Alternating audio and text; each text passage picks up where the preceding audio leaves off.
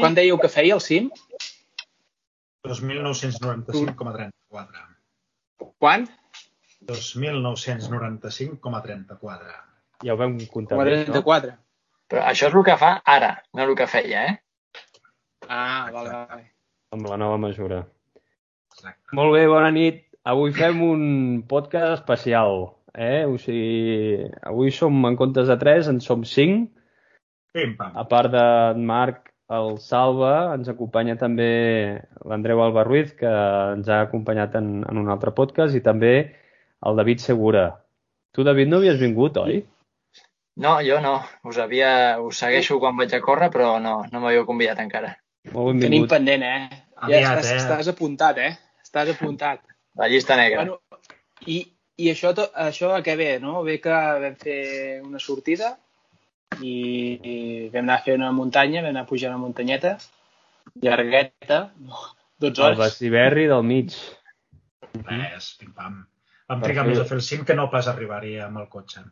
per mesurar-lo com Déu mana. Doncs avui us volem explicar per què ho vam fer això, que, quins resultats vam tenir i explicar-vos la- l'experiència aquesta que bueno, va, ser, va ser xulo, no? Sí, sí, va estar molt bé. Vam passar el cap de setmana a la vall d'avui i, i això, no?, amb l'objectiu de mesurar el baciberri del mig, perquè hi havia incerteses amb la- amb l'altitud. Andreu, per què hi havia incerteses? Això ens, ho- ens el vas dir tu, em sembla, no? El Baciberri del mig? Exacte, era un dels molts eh, cims que el, eh, no estan, eh, segons quina font consultis, eh, veus una, una alçada diferent i fins i tot cims molt emblemàtics. I, de fet, el projecte aquest, eh, hi ha més d'un projecte, no només aquest que estem fent, no és algú nou que, que fem, sinó que hi ha més gent que està fent aquest tipus de, bueno, de cerques, de cerques de nous 3.000. Mhm. I, I per què el Eh, del tot- mig? Doncs perquè just estant al llindar, eh, segons qui, una cartografia és, eh, eh, arriba als 3.000, però segons eh, la cartogra el, el topogràfic és els 5.000, no arribava, es, hi ha aquest dubte, que és, eh, està de l'ordre dels eh, 5 metres de, em, de, de, de diferència i podria haver estat 3.000. Eh, és una d'aquestes franges que podria ser... Eh, I també podríem afegir que, que, no, que és un dels cims que el cartogràfic en el seu moment no va mesurar amb, amb precisió, no? Dels 100 cims aquells emblemàtics, doncs els donem per bons i aquest era un dels que estava en aquesta incertesa, no? De Correcte, 5 el- metres i que no estava mesurat. Exacte. Sí, eh, el, per exemple, el Baciberri Nord s'havia mesurat. En- Tinc entès, això ho recordaràs millor tu, Oriol, el Baciberri Sud també es va, va ser un dels eh, 100 cims, però el del mig no és tan emblemàtic i no entra dins d'aquesta llista dels que es van remesurar. Eh, I llavors la única, les úniques fonts d'informació que hi ha per l'alçada, les més fiables, són el topogràfic, que estem parlant de l'ordre de dos metres de precisió en alçada, i, el, i eh, les dades líder. I malgrat en principi són més precises aquestes dades, tant el topogràfic com el, eh, les dades líder tenen una precisió inferior al metre, en teoria, bueno, el topogràfic de l'ordre del metre, eh, és molt difícil que Perdona, cap Andreu. de les dues ah, hagin agafat. ben la base topogràfica U5000 estàs parlant. Correcte. La base topogràfica un 5.000 té una precisió aproximada de l'ordre d'entre un metre un metre i mig eh, en alçada. I això, eh, en teoria, podries dir, si és aproximadament eh, 3.995 eh, segura, o 97, o és difícil que arribi a ser 3.000 metres, però això és en cas de eh, eh, que els restituïdors hagin enxampat correctament la pedra que toca. Per això hi havia aquest, eh, aquest dubte. I en el cas de les dades líder, I- exactament el mateix. Els punt, el núvol de punts líder... Sí, sí, digue. No, perdona, perdona. Acaba, acaba, Andrés, perdona. No, eh, això, simplement que en el cas del, del núvol de punts líder, el mateix. Eh, el núvol té una precisió, fins i tot, de, podríem dir, de, crec que és de l'ordre de 15 centímetres i podries dir, vale, claríssimament eh, no arriba a aquesta alçada. Però la, és, seria molta casualitat el fet de que el punt del núvol hagués coincidit a la roca punxeguda just al, al, al vèrtex de la roca. L'aresta, no? Com que hi ha una densitat de l'ordre de, de, de tipus un, eh, un punt cada dos metres quadrats, la roca és més petita, més punxeguda, és molt improbable que el punt caigui a dalt. I aquesta era l'esperança que teníem. Va, I tot això ve no, de, de, que ja hem, hem començat una mica pel final, no, que prèviament ens vam plantejar no, d'anar de, de buscar alguns, alguns cims i remesurar-los amb mitjans eh, de precisió topogràfics. I s'ha de dir que aquí ja ha fet molt pressing en David, no? Amb, amb, amb, no, amb el tema de, de va, que hem de començar a preparar una expedició, a mesurar... El David és un liante, cim. el, el David déu nhi perquè va, va, va, va, van serent metges per tot arreu i una és aquesta. Ara, ara, no diu, ara no diu res. Ara no diu res, ara està amagat. No, no, no, no. és que vam fer, vam fer una primera prova s'ha- que s'ha Ara, ara, aquí, aquí. al, al Roca Centella, oi? I, i bueno, allò també també tenia el seu què, perquè era un, un cim de 990 i alguna i segons el mapa era un, un cim de 1.000 metres, i va ser molt xulo, va ser molt xulo. Llavors projectaves allò a, a un cim de 3.000 metres i, home, i era un projecte impressionant i, i, i bueno, les fotos que vam aconseguir són espectaculars. O sigui, ho ensenyes a, a qualsevol i, i és espectacular. Va ser molt dur, van ser va ser una patejada dura, però jo repetiria, com vulgueu, eh? Bueno, i aquí ja és el que en parlarem, no? Però clar, Avui perquè David vam buscar el Roca altra. Perdona, Salva. Vam dir de buscar el, el Roca Centella, no? Perquè per fer una primera prova d'aviam com, com ens movíem amb els instruments i que era un cim més, diguem, més de, de menys altitud i que ens era més, fa, de més fàcil accessibilitat i, i després vam dir, doncs va, i a partir d'aquí que ja hem fet les proves, no? llavors buscarem alguns, alguns cims que hi haguin pel Pirineu que sabem que no, es- o que sabem que no s'han mesurat o que hi ha una certa incertesa, no? I així vam arribar al, al, al Baciberri del mig. Ara estava recuperant, mirava pel, pel Twitter, el, la mesura del Roca Centella, almenys vaig publicar la, la, la pivolada el, el 18 d'octubre del 2020. Ah, va ser molt xulo. A més, estava en la incertesa aquesta de, dels 1.000 metres, no? Era a una escala diferent dels 3.000, per dir-ho d'alguna manera, no? Però era una prova de l'instrumental, la metodologia i, i, i tot plegat, no? Òbviament, n'hem après també d'aquesta última sortida de que és diferent posar el Roca Centella des de, des de, des de Sant Cristòfol que, que pujar el, el Basiberri del mig, no?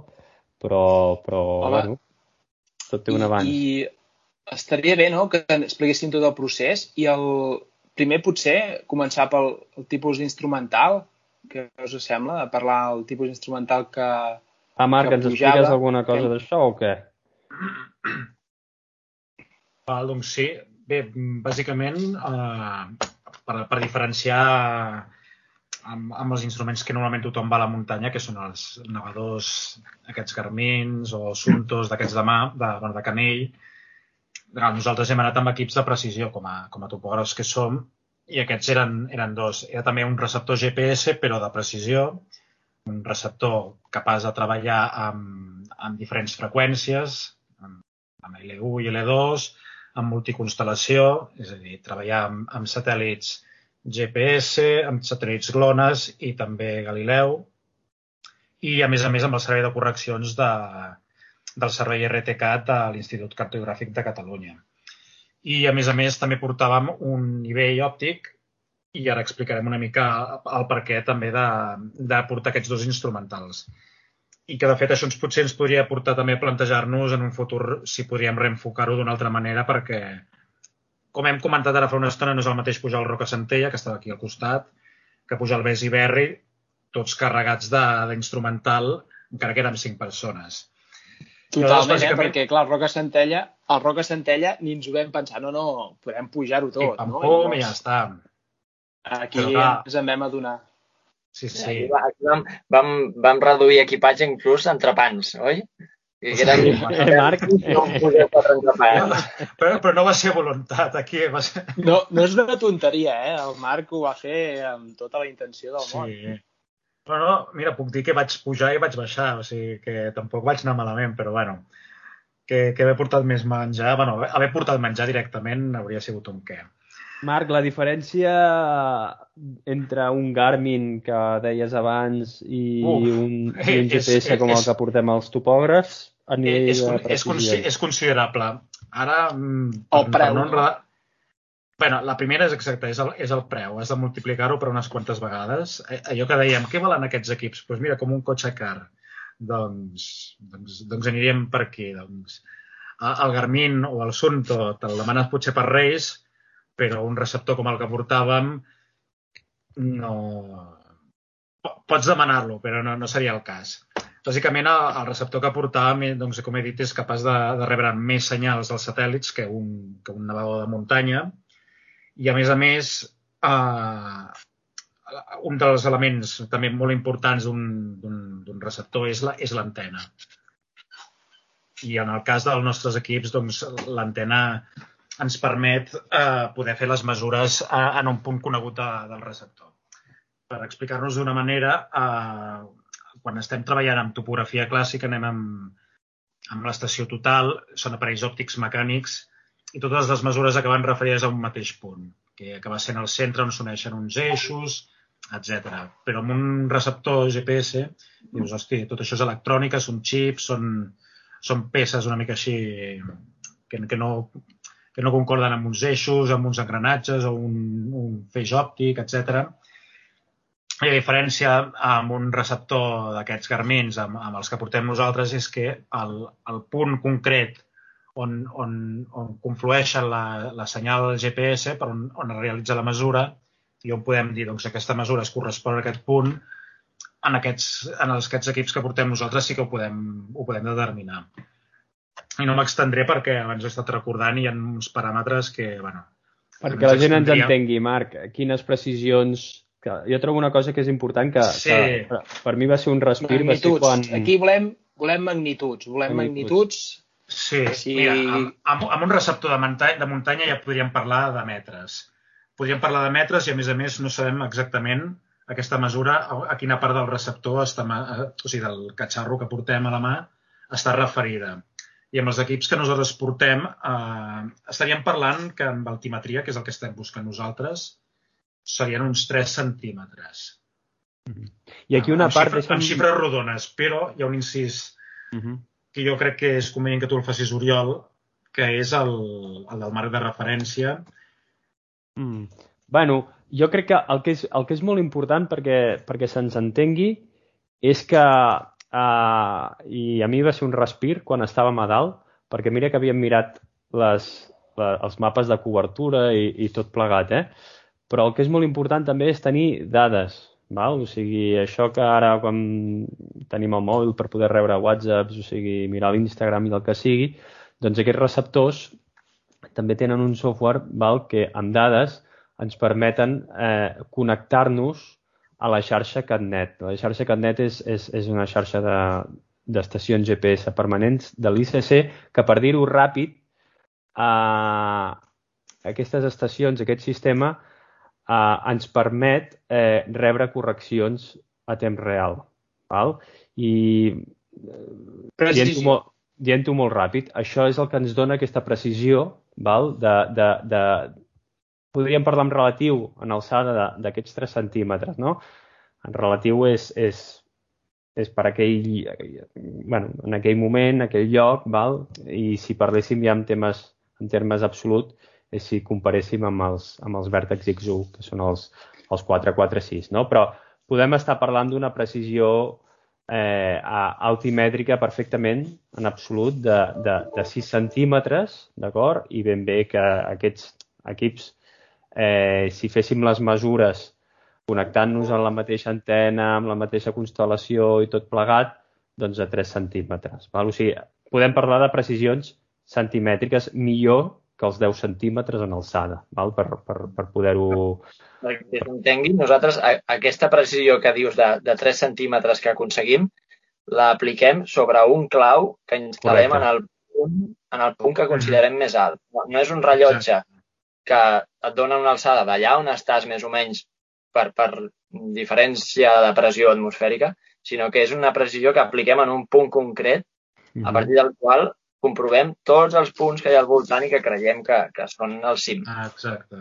un punt concret i estable, no? També, David, és important, perquè, a, a veure, el que hem fet és copiar-nos el, el que fa el cartogràfic, eh? amb la mesura dels 100 cims, la metodologia és, és, és calcadíssima. I, de fet, els 100 cims, si us hi fixeu, si, per exemple, pugeu per dir qualsevol cim, el Balandrau, o el Matagais, o, o el Puigmal, i, i busqueu ahir a prop, trobareu un, un, un, un clau, que és una cabota semiesfèrica, Val? Doncs aquest és el clau que està parlant el David. Val? I en aquest clau se li dona aquesta lectura de GPS, de precisió centimètrica, i és el que ens permet, no? com que és estable, es veu, és el que ens permet després traslladar aquesta lectura d'aquesta alçada en absolut que hem fet en aquell punt, traslladar-la en el punt més alt, no? en el punt més alt que potser no és tan estable no? O, o no és tan fàcil de fer-hi una mesura eh, eh, GPS o que senzillament no hi podem posar un clau per dir aquí tenim la referència de partida. Val? O que fins que no el mesurem no sabem exactament quin és el punt més alt del cim. Correcte. El nivell òptic el que ens permet, jo almenys des del meu punt de vista, i l'altre dia va ser molt interessant, aquesta feina la vas fer tu, Andreu, podries explicar-la. És la de, i, i amb el David, tu David anaves amb, amb, amb, amb la mira, és d'anar mirant, no? discernint em, quin és el punt més alt. Ens ho podries explicar, això, Andreu, no? Sí, el, bueno, el David va fer la part més perillosa, que era posar, buscar la pedra més alta, més punxeguda i més eh, arrisca, eh, el punt més arriscat de, de tots. Allà es va posar dalt amb la, amb la mira i des de la, eh, des d'allà on vam instal·lar el, el nivell, que és un punt entremig eh, entre el clau, que, on teníem la mesura GPS, i el punt on, on era el David, que va anar tantejant el que creia el punt més alt, eh, fèiem, eh, mesuràvem el desnivell, mesuràvem l'alçada la, eh, eh, amb el nivell eh, establíem una visual de l'horitzó, mesurem eh, com aquest regle que hi ha a sobre del, eh, la mira que hi ha a sobre del, del clau, després la mateixa mesura, però eh, de la mateixa visual, però mirant cap a, cap a la mira posada sobre la pedra i restant les dues eh, les dues alçades obtenim el desnivell des del clau fins, al, fins a la pedra aquesta més alta. I el David va anar tantejant unes quantes pedres fins que va trobar la més difícil de totes, que, eh, bueno, no, la més difícil de totes, per sort, no, eh, es veia clarament que era més baixa i, bueno, per això tenim el David aquí, perquè si no... Sí, no també com a, com a pedra considerem eh, un bloc granític, en aquest cas, consolidat i, i, i que no es movia, que, que, que Vamos, que no, que no és la típica muntanyeta de pedres que la gent fa per dir... No és un muntó de pedres. Exacte, no és una fita, és, és, un, és el punt més alt de la muntanya, a dia d'avui. I, I aleshores, això que explicava l'Andreu, jo trobo que és interessant perquè més és molt gràfic, no? O sigui, tenim aquesta cota en absolut, ara no recordo, no sé si ho podríem recuperar això, nois. 2.995,34. Eh... Sí, però la, la, la del punt GPS... El, el, Devia ser un sí. metre i alguna em sembla que era sí. un metre i mig, ah, més baix. De, de fet, hi ha la captura de pantalla aquí, perfecte. Aquesta ca captura de pantalla que ara m'està ensenyant el David, i a més, o sigui, la, la, la, perquè us feu una... No, no, no, no el treguis, David. perquè us feu una idea, el, el punt GPS, val, l'alçada ortomètrica que es va llegir, el, el, era de 2.994,134, val, com a 13. Val? I aleshores el que explicava l'Andreu és que amb el nivell vam poder veure el desnivell, val? la diferència d'alçada entre aquest punt que vam llegir amb GPS i el punt més alt, que era un metre com a 21.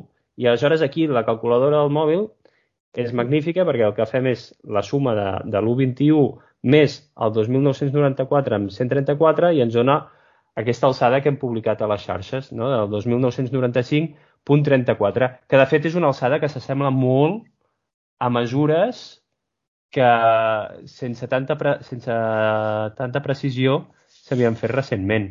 Anaven de l'ordre del 2.995, si no m'equivoco. Exacte, sí. Algo així em sembla que era el que s'havia obtingut per restitució d'aquest ordre, el 97. O, I ens va donar una mica més baix, eh, fins i tot que això. Una mica, baix, una mica. Va, escolteu, una cosa. Eh, això, Salva, tu potser ho saps. Um, amb xats de gent que hi han hagut aquesta setmana fent comentaris de bar sobre la nostra bueno, societat d'interès, no? O sigui, hi havia gent molt irritada pel fet de que, que és això de, de descartar els 3.000 d'aquesta manera, no? Eh, hi havia gent que parlava això, no? Que hi ha, hi havia cartografies, a veure entre tots si no és hi havia cartografies que, que, que ja no els donaven aquests eh, 3.000 metres. En canvi, d'altres sí que els donaven. Qui, qui, quina... L'exemple va ser, va ser amb l'úniques persones que ens vam creuar pujant al cim, que, que va dir vaig fer aquest 3.000 i me'l van treure. No? Va ser un que, que el van treure. No, suposo que, que és això, no? També una, una manera de que si surt en un mapa sembla que sigui oficial, no? I si, si això ho mesuren cinc, cinc topògrafs, encara que sigui així, doncs eh, sembla que, que li prengui valor a, a la dada aquesta de, de, de la cartografia. Um, no, no més lluny, o sigui, aquest cap de setmana passava el Tour de França per Catalunya Nord i va acabar a Andorra, i, i el Jaume, el meu germà, va anar, va anar, el va anar a veure el tour. I va marxar el dissabte i el, i el diumenge al matí que passava el tour, com que passava una tarda va tenir temps d'anar a pujar un cim. I va anar a pujar el Tristaina. I, i en tornant em va dir ostres, uh, pot ser que hi hagi una diferència de 70 metres amb el GPS? Va, el, el Jaume portava un GPS dels que parlava en Marc de, d'aquests de Nadal, saps? D'excursionista. De, I dic, ostres, 70 és molt.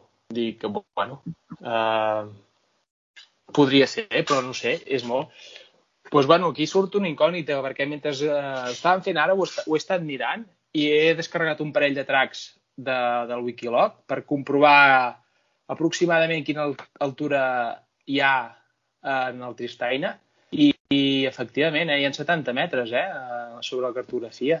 Respecte a la cartografia. Sí, sí. El Joide i una mica més. Clar, no? això sembla el Joide. Sí, però, bueno, eh, una mica més, això... més 20 metres.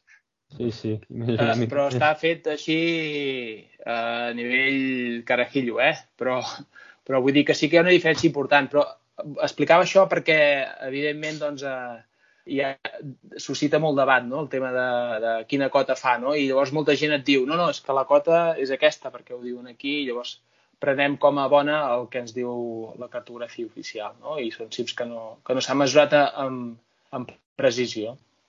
Però en quines cartografies sortia com a 3.000 aquest cim del, del Basiberri del mig? Oi que ho havíem vist, això? Sí, els de l'Alpina, no? Crec que era l'Alpina, correcte, sí, però no sé si una versió antiga o, de, o fins i tot ara sortia així, però um, eh, recordo el cas precisament del Poseig, que a l'Alpina sortia com a 3.375 i en teoria l'oficial és 69, hi ha 6 metres de diferència respecte a, um, entre dues cartografies, una l'aragonesa i l'altra la, la de l'Alpina. I, uh -huh. bueno, pel que vaig rebre de fonts bastant fiables, la bona era la 69, no, i la de l'Alpina suposo que en algun moment eh, ho, han, o ho han canviat ja jo, o ho canviaran. Jo vindria a dir aquí que probablement el que devia passar és que es devia fer una actualització de la cartografia i la base que es va utilitzar en el cas del mapa de l'Alpina, igual era la cartografia antiga i, es, i amb això es devia quedar aquesta cota en aquesta Correcte, aquí, i segurament es, de, es devia fer una, una actualització de dades, suposo per mesures líder o, o, bueno, o no sé. Mm -hmm. Però Va, probablement s'arrastra d'aquí, es, es devia arrastrar d'aquí. Us volia, ja que, que, que sí que el, una, una font d'error és, és la, la cartografia que es consulti, però una altra també és, és el material amb la que gent va a la muntanya, que avui en dia tothom va amb un rellotge i, i que dona molts decimals i tothom els dona per bons. Eh. I al final, si nosaltres hem arribat al centímetre amb uns aparells que valen 50 vegades més, eh, no hi hauria d'haver debat possible. No, sí, sí. sí. Jo m'he trobat amb gent que m'ha dit, no, és que al Desiberri Nord allà hi ha una placa que diu que fa 3014. Vale, allà hi ha una placa. Qui va posar aquesta placa? Sí, Saps? I clar, i que el Besiberri Nord faci 3014 implicaria que fos el més alt de la Vall d'Aran i tal i tal i tal.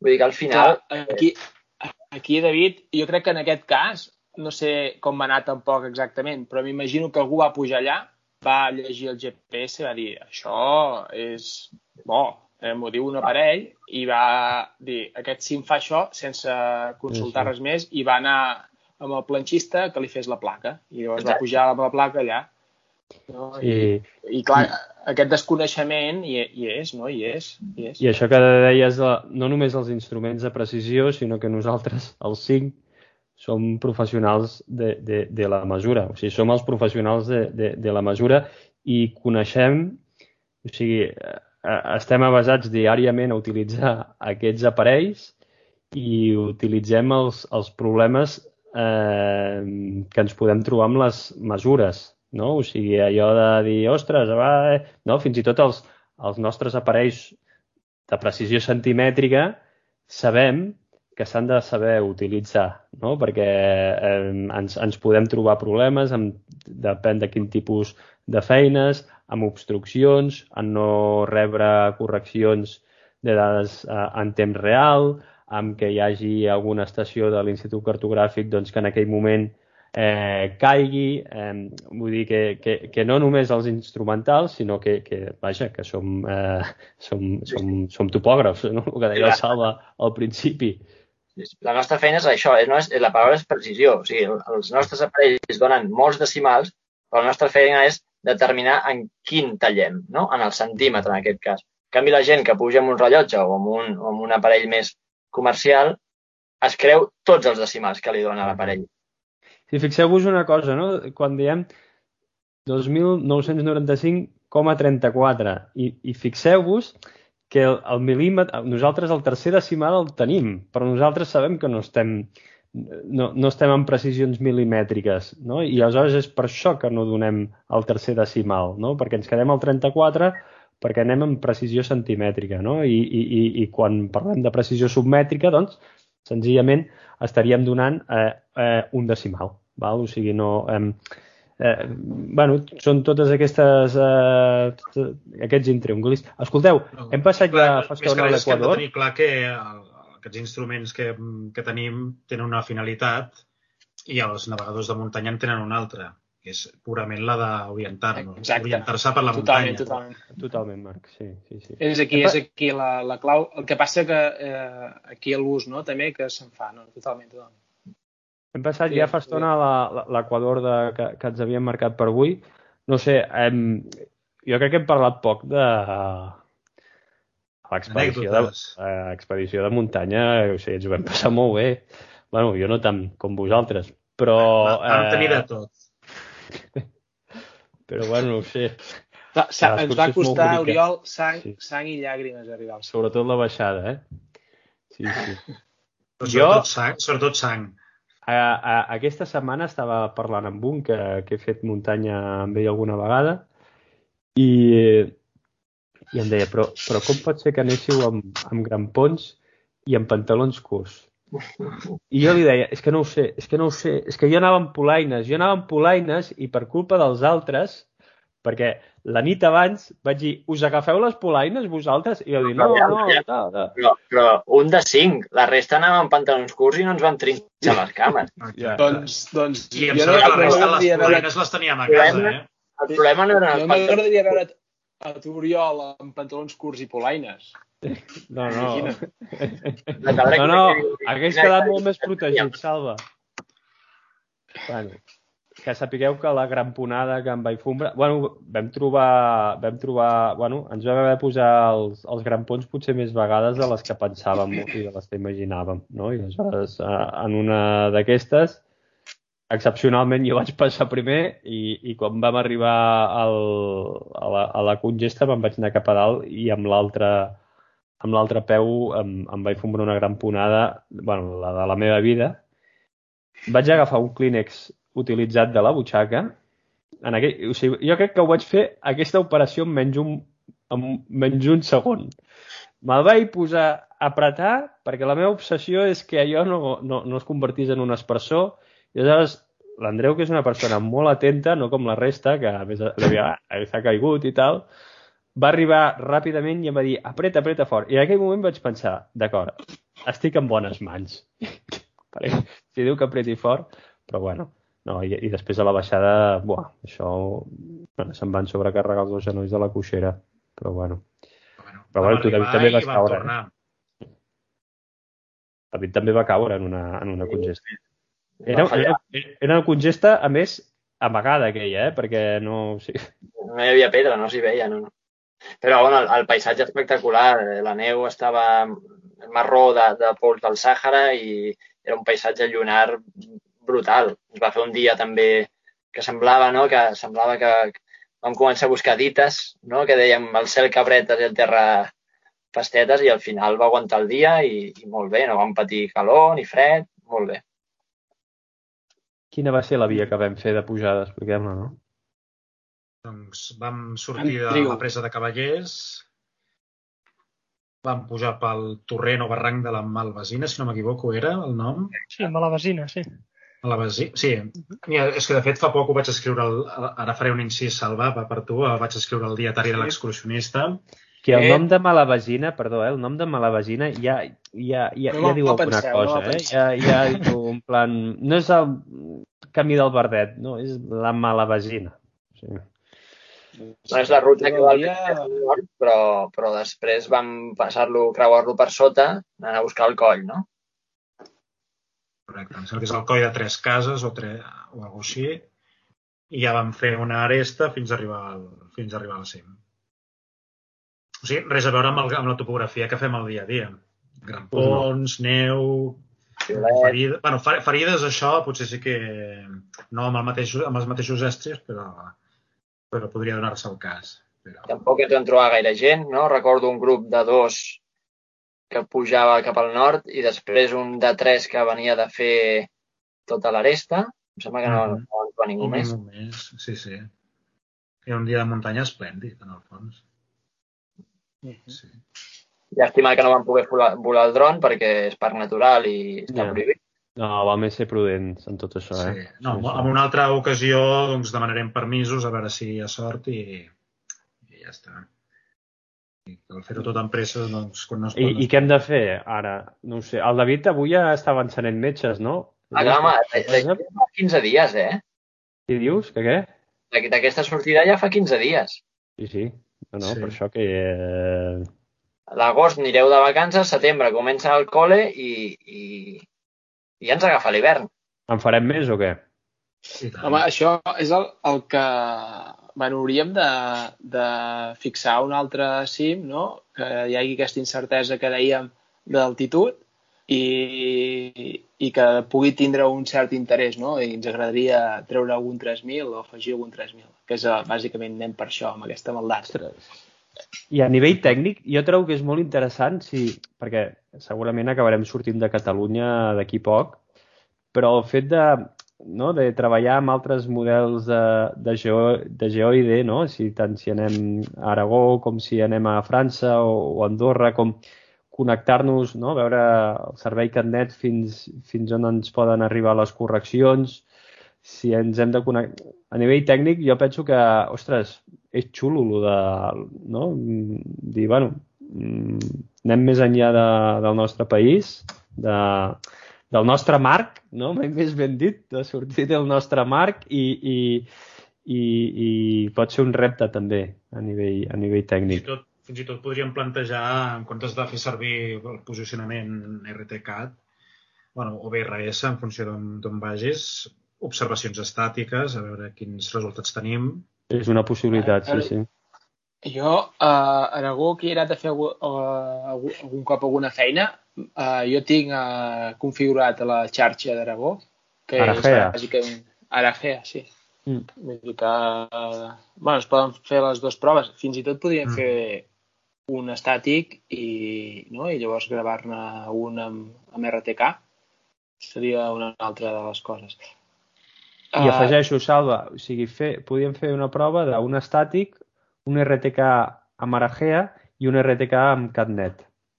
Perquè a Aragó és probable que, que ens arribin les correccions de... i comparar.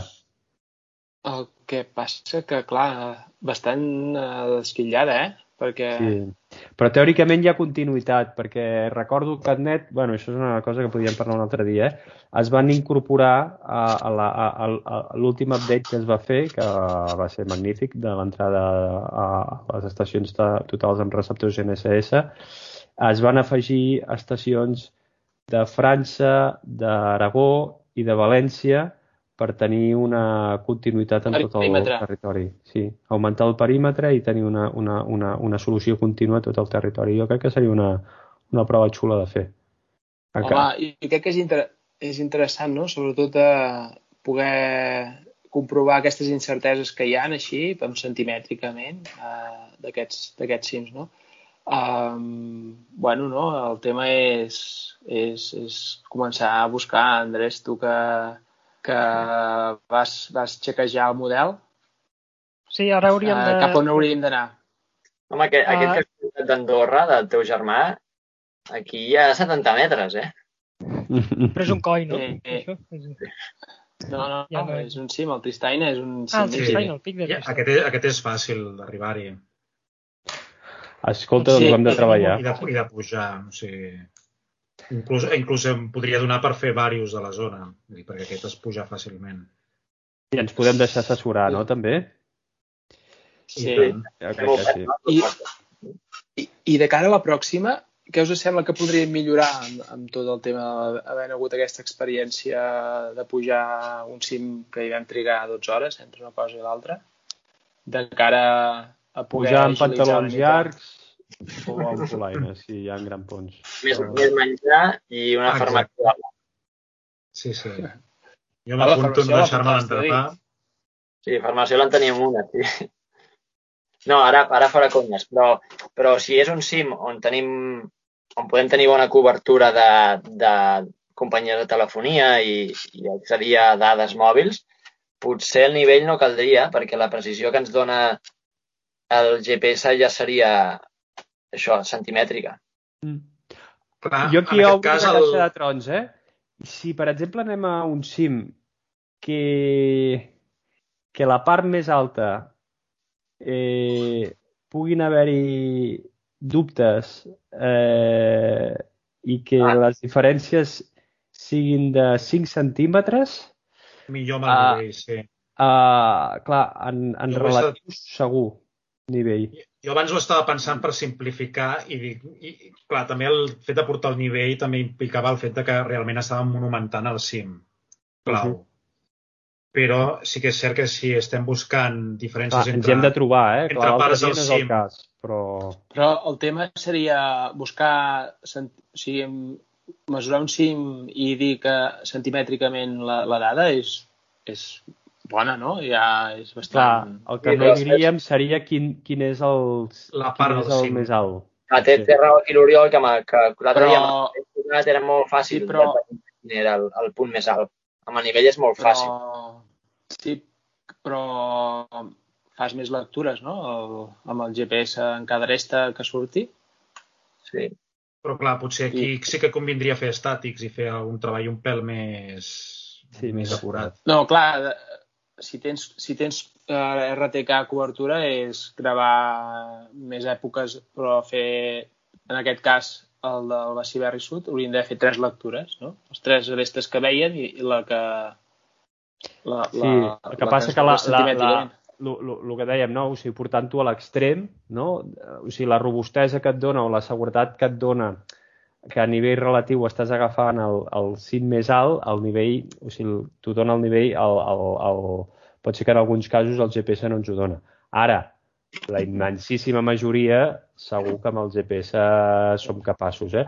Ara, que salts al, en alçada en podem tenir i de, de, 3, de 3 i fins i tot de 6 centímetres, clar, jo, per exemple, eh, si ens fiquem en un, en un cim, no? per dir-ho d'alguna manera, que està entre, entre, entre dues estacions eh, permanents, val?